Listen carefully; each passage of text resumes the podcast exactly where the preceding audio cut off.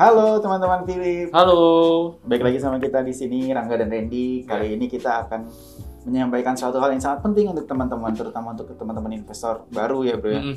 Eh, dan ini sangat-sangat harus kalian pahamin ketika mau masuk ke pasar modal itu seperti apa. Betul. Kali ini akan kita bahas adalah cara memilih saham untuk investasi jangka panjang. Yuk, kita akan bagi-bagi tips nih nanti ya. bagi-bagi tips kali ini gitu. Jadi kalau teman-teman eh, merasa bahwa kira-kira lima tahun ke depan saya mau menikah, saya mau beli rumah, saya mau beli apa, Hmm. mau sekolah anak atau apa, kira-kira saham yang cocok seperti apa sih? Betul. Kita akan bedah di sesi ini Oke. teman-teman.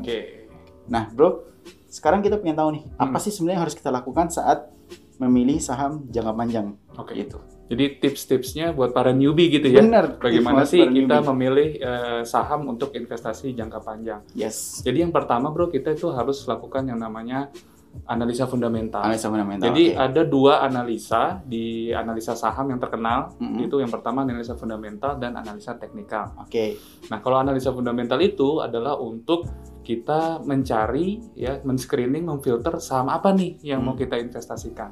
Sedangkan kalau analisa teknikal itu lebih ke timing. ya. Timing. oke. Penentuan kapan waktu yang kira-kira tepat ya. Kita nggak bisa bilang eh, waktu yang tepat karena kita tidak tahu tuh kapan waktu yang tepat untuk membeli ya. sahamnya. Oke. Jadi eh, analisa teknikal itu kita gunakan untuk eh, mengkira-kira, memprediksi, memproyeksi kapan kira-kira waktu yang mendekati tepat untuk membeli saham tersebut. Oke, berarti eh, tadi ada yang namanya analisa fundamental dan Betul. analisa teknikal ya, Bro ya. Betul. Kalau analisa fundamental itu lebih ngecek ke kondisi perusahaan ya, Bro. Historical, per- Iya. kiner- kinerja perusahaan. kinerja seperti perusahaan apa. ya. Jadi Sedangkan- fundamental kita lebih melihat kinerja keuangan dari perusahaan tersebut. Oke, sedangkan untuk si analisa teknikal dia lebih ke historical harga sahamnya ya, Bro ya. Betul. Jadi ada suatu hal yang berbeda di sini, sangat-sangat jelas berbeda gitu kan. Ya, Oke. sangat jelas berbeda tetapi eh, tidak menutup kemungkinan kita menggunakan keduanya ya. Kita combine keduanya Mhm. kita pakai analisa fundamental untuk cari sahamnya saham apa yang Yes. mau kita investasikan, kemudian kita pakai analisa teknikal untuk eh, memprediksi tadi kapan waktu yang kira-kira tepat membeli atau menjual saham tersebut. Oke, eh, berarti tapi yang kemungkinan bisa dipakai itu pasti udah pasti analisa fundamental ya, Bro. Ya, itu yang pasti harus dipakai di pertama kali adalah analisa fundamental. Itu Oke. pasti harus dipakai. Itu yang pertama. Oke, Betul. sekarang kita mau bedah dulu nih, Bro. Mm, Ini mungkin banyak yang teman-teman yang belum tahu nih. mm, analisa fundamental itu sebenarnya apa ya. terus uh, detailnya seperti apa apa sih kita ketika melakukan analisa fundamental tuh Hmm. kira-kira apa aja sih yang dicek bro Oke, gitu oke. Jadi analisa fundamental itu lebih ke analisa mendalam dari suatu perusahaan atau suatu emiten ya. Hmm. Jadi kita di situ melihat kinerja keuangannya Kinerja dari keuangan. tahun ke tahun Hmm. oke ya. Ada baiknya dari mungkin 3 sampai 5 tahun ke belakang kita tracing tuh Hmm. apakah eh, eh, kinerja keuangannya mengalami peningkatan atau pertumbuhan growth lah Hmm. istilahnya seperti itu. Oke. Nah, di analisa fundamental itu sendiri terbagi menjadi dua, Bro. Ada dua eh, kategori lah Hmm. istri- istilahnya. Jadi ada yang namanya analisa fundamental eh, kuantitatif, kuantitatif oke ya lebih banyak kita menggunakan hitungan-hitungan nanti Hmm. rasio-rasio Yes. Kemudian yang kedua adalah analisa fundamental kualitatif. Lebih kita Kualitatif. menilai kualitas dari emiten tersebut. kualitas dari emiten tersebut Betul.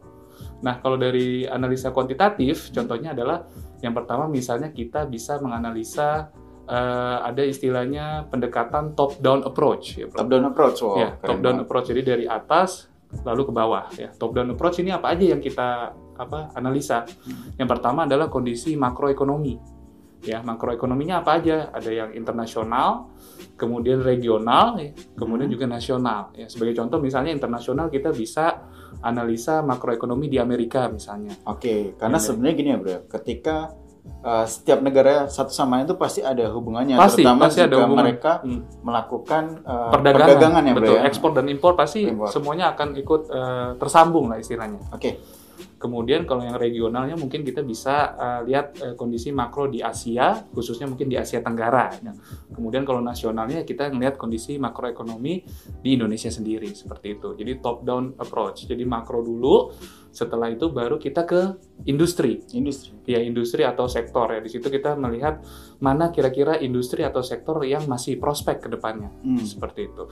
Tentunya kita nggak pengen investasi cuman 1, 2 tahun, tiga tahun aja. Yep. Kemudian perusahaannya bangkrut kan bro. Pasti Hmm. nggak mungkin. Kita pasti pengennya eh, investasi di emiten yang bisnisnya sustain, ya, sustainable, sustainable, berkelanjutan oke, seperti itu. berkelanjutan. Kemudian yang ketiga dari top down approach itu adalah kita lakukan analisa baru di emitennya Hmm. ya atau di sahamnya. Jadi jelas ya, top down approach itu dari makro dulu, Oke, kemudian industri atau sektor baru di perusahaannya. Seperti oke. itu. Berarti memang kita buka dari yang kulitnya dulu ya, Bro. Betul. Paling luar dulu Paling luar seperti dulu, apa? ya. Heeh. Masuk lagi ke mengerucut ke sektornya Iya, gitu. mengerucut, Misalnya betul. sektor eh, pertambangan Betul. atau sektor eh, apa namanya? Consumer goods, consumer goods, perbankan, gitu, perbankan seperti itu, gitu. Terus baru masuk ke emitennya. emitennya yang mau kita Betul. pilih ini apa sih? Iya. Saham apa yang dari perusahaan apa yang kita mau beli gitu kan? Betul. Oke. Dan kita juga pilihnya, misalnya sudah mengerucut ke emiten, kita pilih eh, saham atau emiten yang terbaik di Hmm. antara yang paling baik. Ya. Ada 700-an saham di Bursa Efek Indonesia dan tidak mungkin eh, semuanya kita beli kan bro? Oke. Tidak mungkin semuanya kita koleksi. Pasti kita maunya pilihnya yang bagus-bagus aja. Seperti Oke. itu. Nah, eh, selanjutnya setelah kita melakukan top down eh, approach tadi, kita bisa melakukan yang namanya eh, tracing kinerja keuangan eh, beberapa tahun ke belakang Beberapa tahun dulu. Iya. Oke. misalnya Oh, iya. ti- misalnya Hmm. tiga sampai lima tahun ke belakang kita tracing dari yang pertama misalnya revenue Mm-mm. atau sales atau penjualannya apakah meningkat ya tiga tahun atau lima tahun ke belakang eh dari tiga atau lima tahun yang lalu ke sekarang misalnya Mm. dan juga kita lihat juga dari eh, net profitnya apakah juga profitnya. meningkat ya karena ada juga emiten yang misalnya dari lima tahun ke belakang ke sekarang ya itu revenue-nya meningkat, sales-nya Hmm. meningkat, tetapi net profit-nya stagnan atau menurun. Mm-hmm. Oke, karena itu sudah dipotong biaya lain-lain ya. Nah, Bisa betul. aja dia Karena ada melakukan- expense ya, ada Iya, beban-beban ada gitu. beban yang harus dibayar- eh, Betul. ditanggung di situ ya. Betul. Bisa juga gampangnya seperti ini. Misal Oke, dia jualannya banyak gitu, Hmm. Iya. tapi ternyata dia jualan tuh melakukan potongan harga yang berlebihan gitu. betul. Jadi margi- marginnya mengecil. Margin sebetulnya. keuntungannya mengecil, oke. Betul, betul. Jadi kita harus tracing itu ya. Jadi dari revenue yang meningkat dari tahun ke tahun, net profit juga harus meningkat ya. Oh iya. Layaknya seperti anak tangga gitu. Nah, setelah itu kita juga bisa melihat masuk ke rasionya, Bro. Rasionya di apa namanya di kinerja keuangan ini kita bisa melihat dari rasio profitabilitas sebagai contoh. Iya.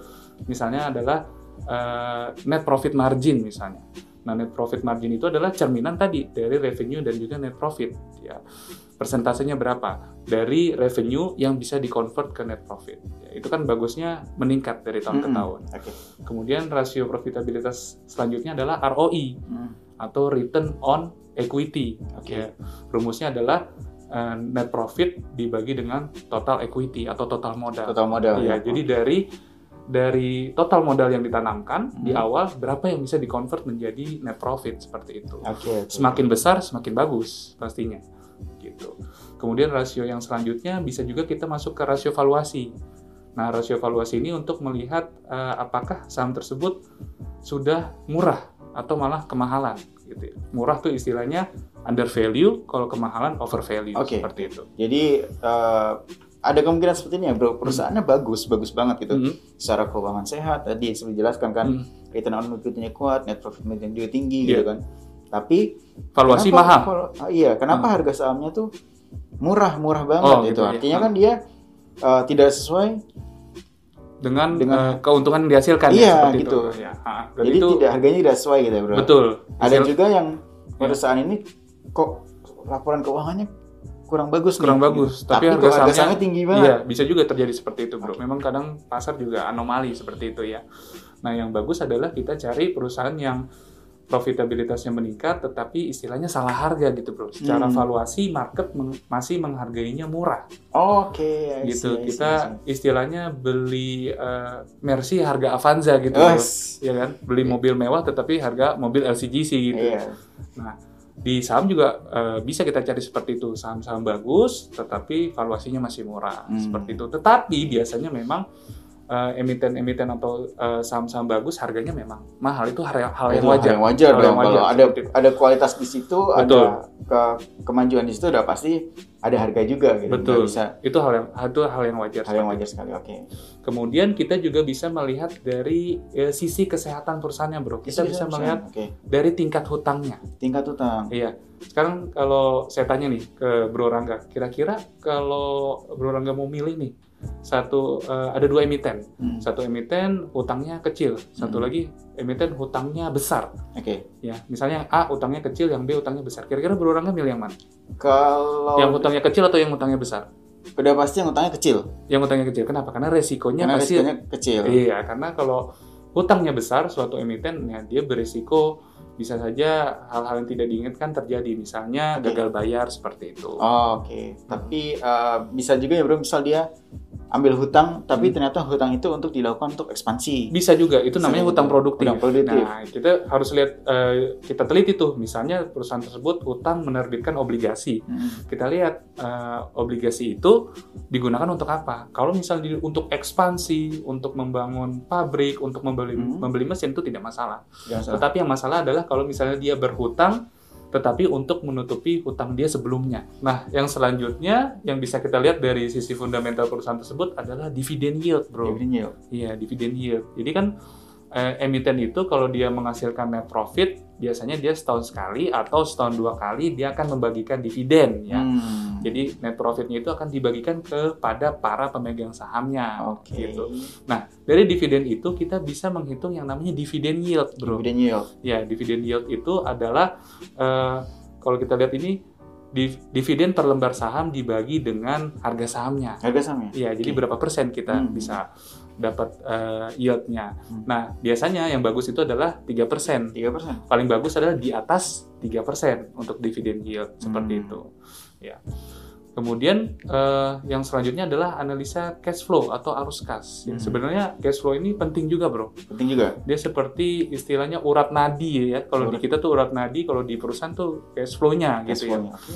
jadi ada ba- ada baiknya kan eh, kita pilih perusahaan yang cashnya banyak bro Hmm. yang cashnya banyak gitu ya jadi eh, cashnya itu yang dihasilkan dari eh, hasil operasional perusahaan Hasil operasional Ya, perusahaan. jadi dari profitnya bukan cash flow hasil dia dari hutang atau misalnya dia nerbitin saham baru seperti itu Hmm.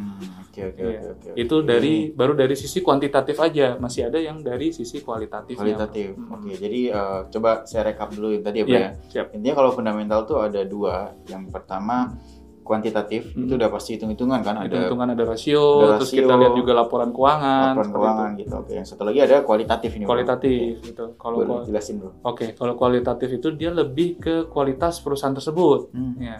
Yang pertama misalnya kita lihat dari sisi manajemen perusahaannya. Oke. Ya.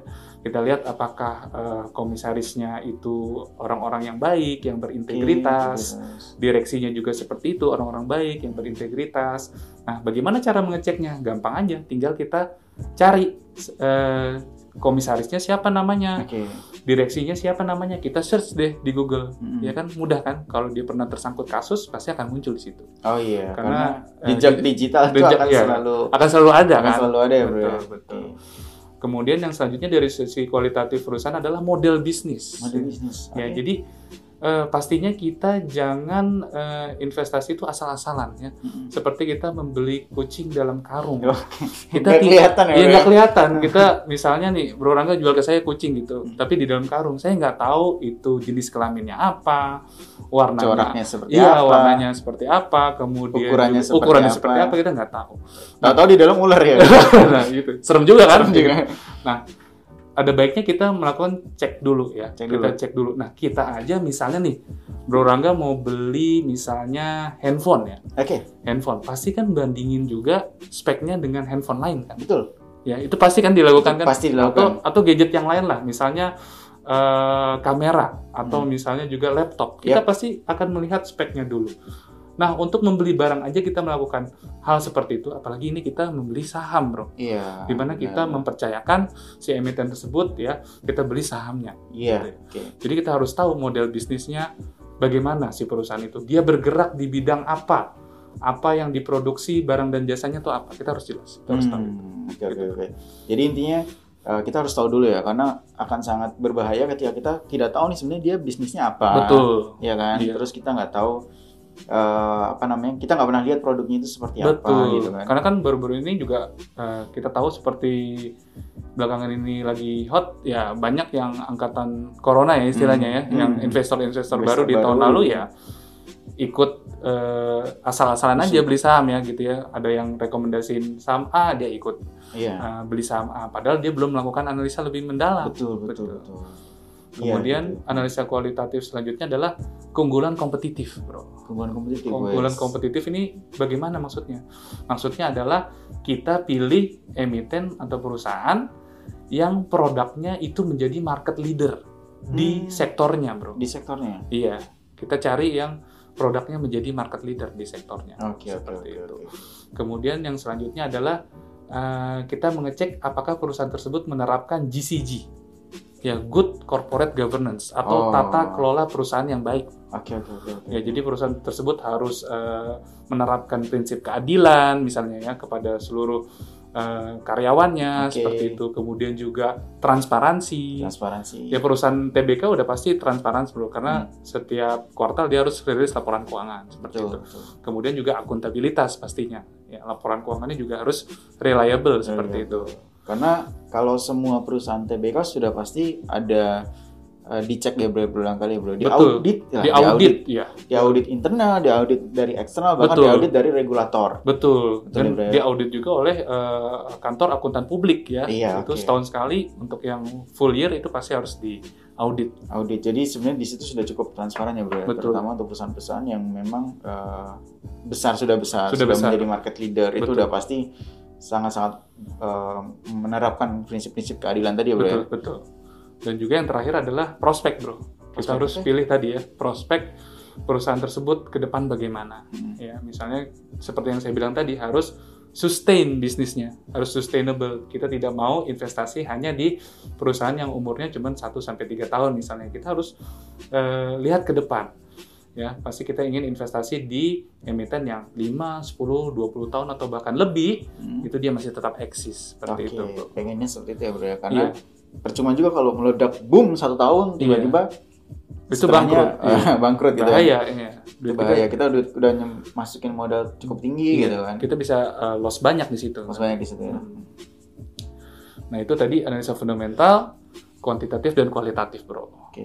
Oke bro, udah Oke. lanjut tadi uh, udah dijelaskan ada analisa fundamental dua, kuantitatif dan kualitatif itu Hmm. Iya. sudah cukup jelas ya jelasannya seperti apa. Hmm. Yang kuantitatif jelas menghitung uh, rasio dan kawan-kawan gitu. Iya, Sementara untuk yang kualitatif lebih melihat seperti track record ya bro, ya, track Betul. record manajemen bahkan uh, perusahaannya mengikuti GCG, GCG, yang baik atau betul. tidak gitu kan model bisnisnya model bisnis seperti apa gitu karena sangat-sangat mempengaruhi ya bro Ke- eh, setiap perusahaan salah pilih pemimpin pun oh iya waduh bisa kacau banget bisa bisa bisa salah itu bisa Iya. bahaya itu Ah, bisa bahaya karena Betul. pemimpin yang kurang oke pun akan membuat perusahaan itu stuck gitu betul dengan keputusan-keputusan yang bahkan cenderung konyol ya bro betul betul ya kita anggap misalnya perusahaan itu seperti kapal ya ya iya jadi kita benar. pilih nahkodanya adalah yang yang benar-benar kompeten di situ Betul. Bisa juga eh, kalau dia tidak kompeten bahkan justru bahaya bro ya, karena misal dia udah pegang kapal yang besar dengan Hmm. semua awak yang bagus tapi dia cuma pengen ya udah kita nyari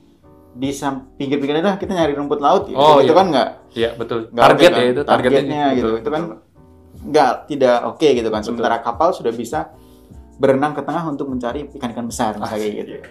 Terus eh, berarti itu tadi tentang fundamental. Iya. Masih ada hal-hal lain bro yang bisa Iya. dicek ketika kita harus gimana sih caranya memilih tipsnya saham? ya Jangka panjang betul Iya, tipsnya. kan tadi kan eh, baru satu tuh berarti Iya, analisa fundamental. Adalah fundamental. Nah, itu tadi kan poin-poinnya. Poin-poin. Nah, ini adalah yang kedua. Ya. Yang kedua adalah kita bisa, ini tipsnya kita bisa memilih sektor yang defensif, bro. Defensif. Betul, defensif. Defensif tuh maksudnya bagaimana? Bertahan atau gimana ya, iya, bro? Maksudnya- iya, bertahan, benar, Bertahan, bertahan. Maksudnya adalah eh, emiten atau eh, sektor yang bisa eh, bertahan dikala misalnya terjadi krisis. krisis. Iya.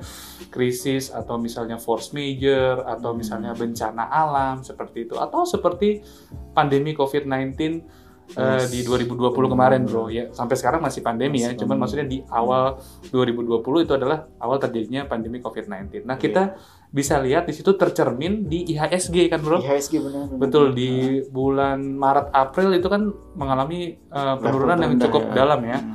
penurunan yang cukup dalam.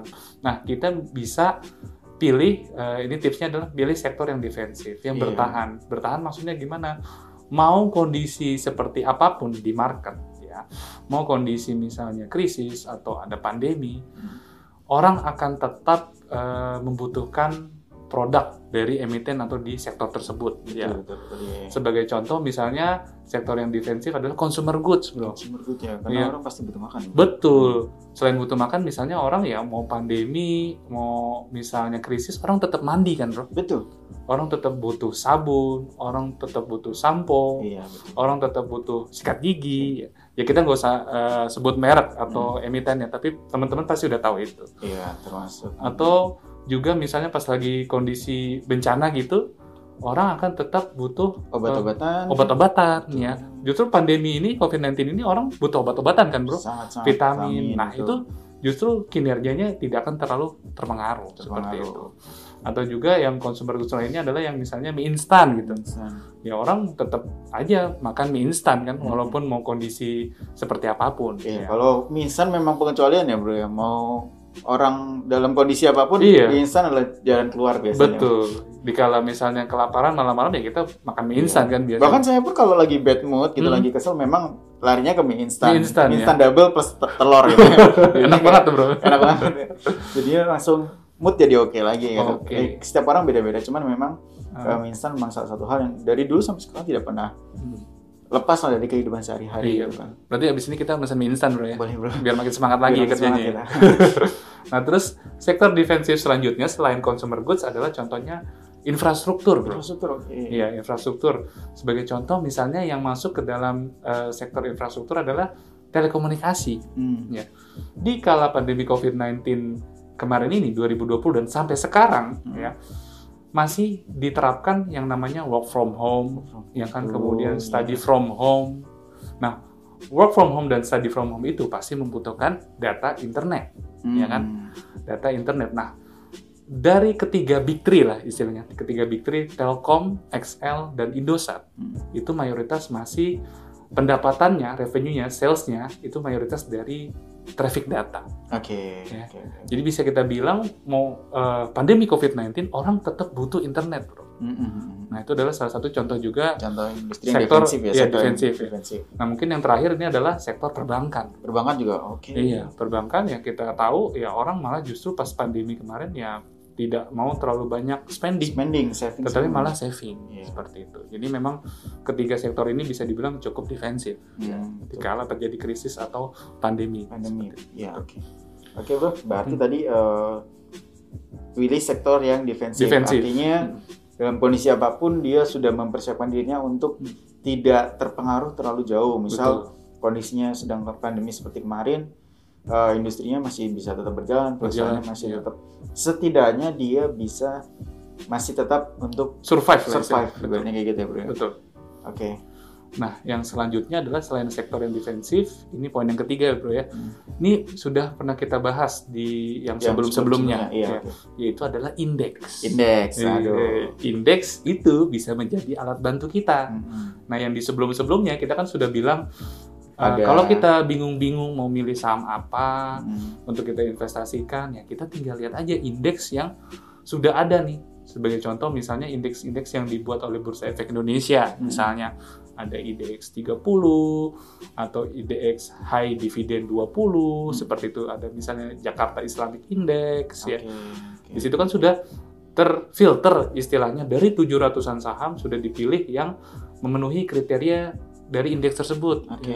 Sebagai contoh misalnya indeks 30 nih, Bro. Mm. Dia kan harus mempunyai market cap besar. Kemudian harus liquid Mm. dan juga yang ketiga fundamental baik. Nah, apalagi kita kita cari apalagi ini sudah disaring istilahnya, sudah di Disaring. sudah dibuatin indeks oleh Bursa Efek Iya, Indonesia. udah ada yang install. Nih, Iya, gue udah analisisnya Wih, gitu kan. Oh iya, udah gue gitu. pilihin nih, Udah gua udah gue pilihin. analisa nih, tinggal pilih aja yang mau yang mana. Ya, gitu. Oke, oke, oke, oke. oke. Jadi memang indeks bisa menjadi alat bantu. alat bantu. Sip. Selanjutnya, Kemudian selanjutnya adalah, nah kalau ada penurunan harga saham, ya karena kita sudah eh, niatkan eh, diri dan hati kita bahwa kita mau investasi Investasi. dan kemudian kita sudah juga tetapkan kita mau eh, invest di saham A misalnya. Hmm? Kalau ada penurunan harga saham di saham A, ya kita jangan panik. Jangan panik. ya. Jangan panik. Justru di situ adalah kesempatan kita untuk mendapatkan harga saham A dengan harga yang murah. Lebih murah. Artinya Iya. kita collect malah ngumpulin lagi ya, Bro. Betul. Oke, oke. Jadi kita dapatkan harga yang diskon Diskon. istilahnya. Kita bisa istilahnya itu namanya averaging down Averaging gitu ya. down, oke. Jadi average kita bisa semakin turun atau semakin rendah seperti itu. Kemudian yang kelima adalah lakukan review berkala. Review berkala. Nah ini penting nih bro, Hmm. ini penting banget sebenarnya. Minimal banget nih lakukan review berkala minimal banget tuh tiga bulan sekali lah boleh lah. Tiga bulan sekali. Itu Iya. udah minimal banget. Itu udah minimal banget bro. Jangan jangan sampai enam bulan atau setahun gak direview gitu ya. Oh, berarti lebih ke kalau bisa jangan lebih dari tiga bulan lah gitu ya. Iya, jangan kelamaan gak reviewnya Nggak gitu. review. Jadi minimal banget ya tiga tiga bulan sekali lah. Ah, Karena oke. apa? Karena setiap tiga bulan sekali, setiap kuartal itu rilis yang namanya laporan keuangan. Keuangan. Nah kan di situ kita harus lihat lagi, kita balik lagi nih ke analisa fundamental yang kuantitatif. Hmm.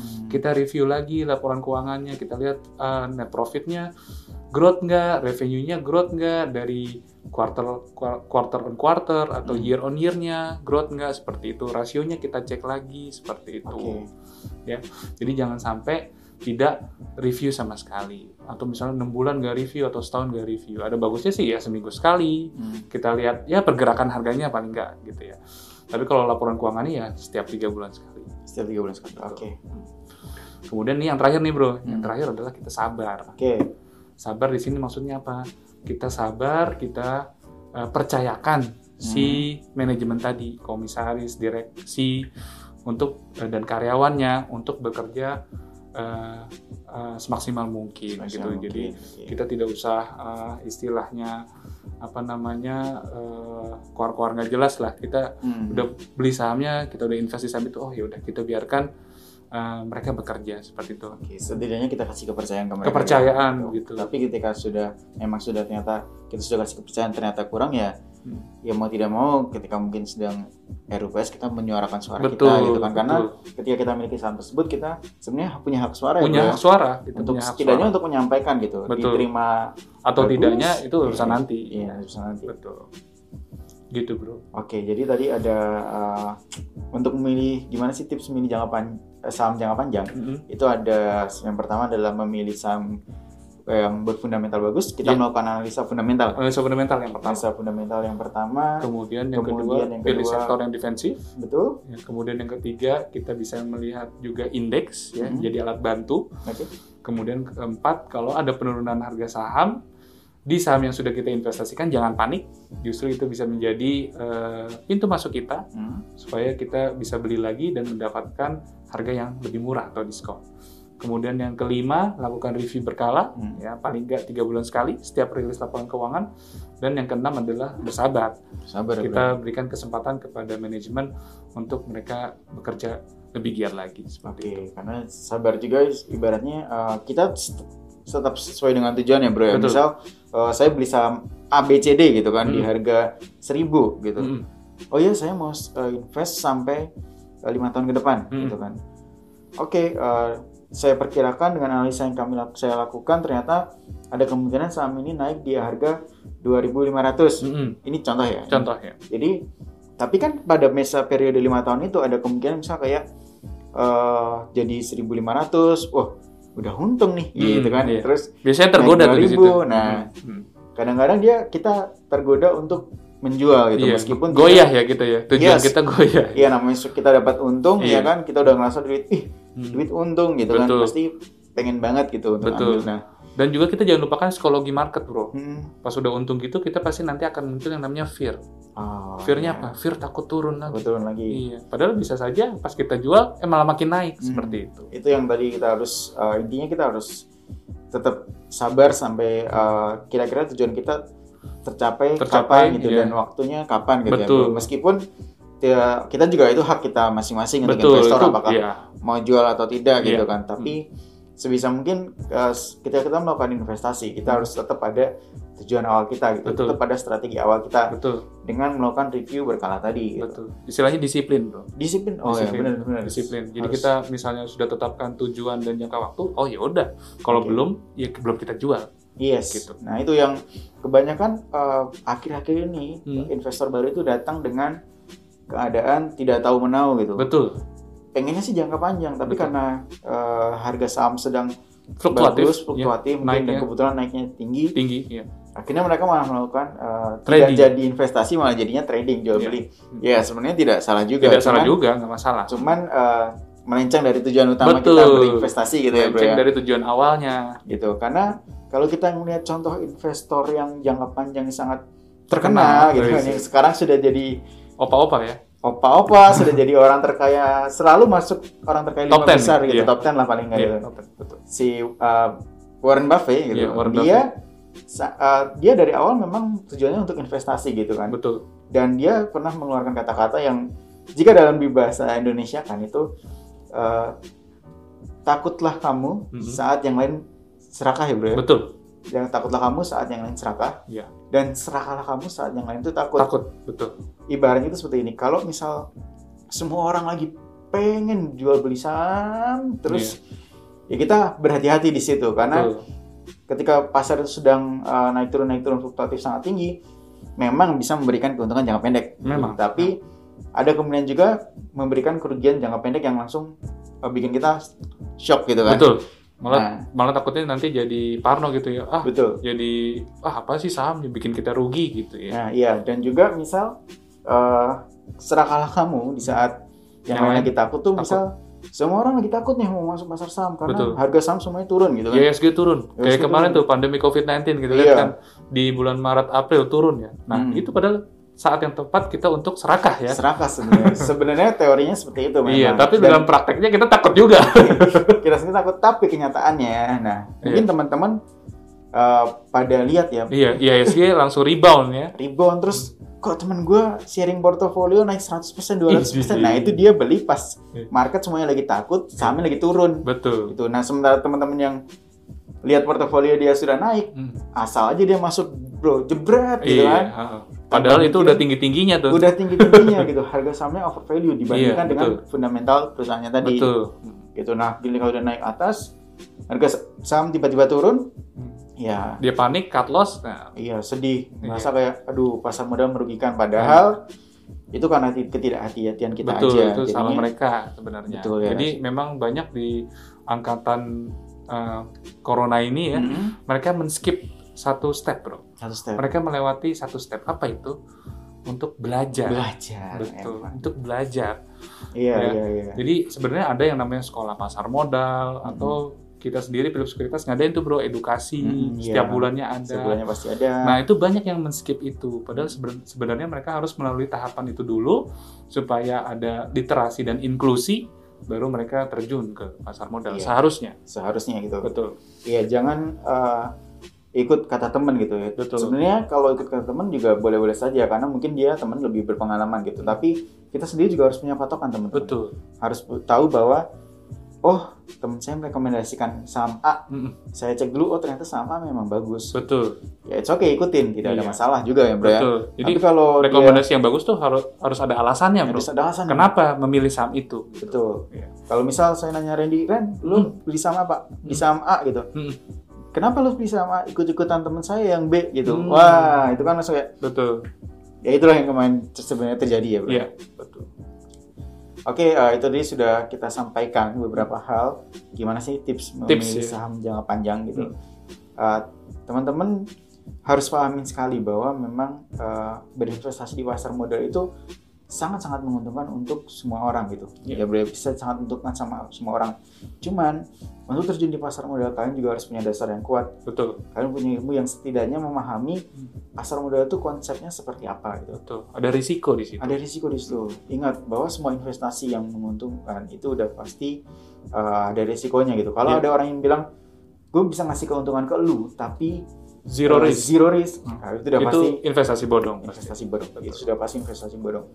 Gitu. Karena semua risiko berbanding lurus sebenarnya Berbanding risiko lurus, Iya. sama tingkat imbal hasil yang dihasilkan. Betul. High risk, high return. High risk high return gitu. Ya, Bro. Oke. Udah kita bahas tadi ya, Ya. semuanya eh, Tips-tipsnya ya. Tips-tipsnya macam seperti apa. Semoga gitu. bisa membantu teman-teman ya dalam uh, memilih emiten apa atau perusahaan apa untuk investasi. betul eh, ya dari kita sih berharap semua orang yang eh, mempunyai tujuan untuk berinvestasi tujuannya bisa tercapai ya teman-teman karena memang tuju- eh, alasan kita melakukan investasi ya memang untuk Memenuhi tujuan memenuhi kita. ya. tujuan kita tersebut ya udah sekian teman-teman eh, Oke. pembahasan kita kali ini Eh, misal ada masukan kita harus bahas apa nanti sampaikan aja atau jangan lupa follow eh, sosial media kita juga Hmm. dengan di Instagram di Talk to Philip ya. Subscribe YouTube kita juga ya. subscribe YouTube kita juga. eh, kita akan sangat ke- senang hati untuk eh, berbagi edukasi ke kalian gitu. Oke. Oke, Oke bro, Oke bro. Oke. sampai ketemu di pembahasan berikutnya. Salam cuan. Salam cuan. Bye-bye. Bye.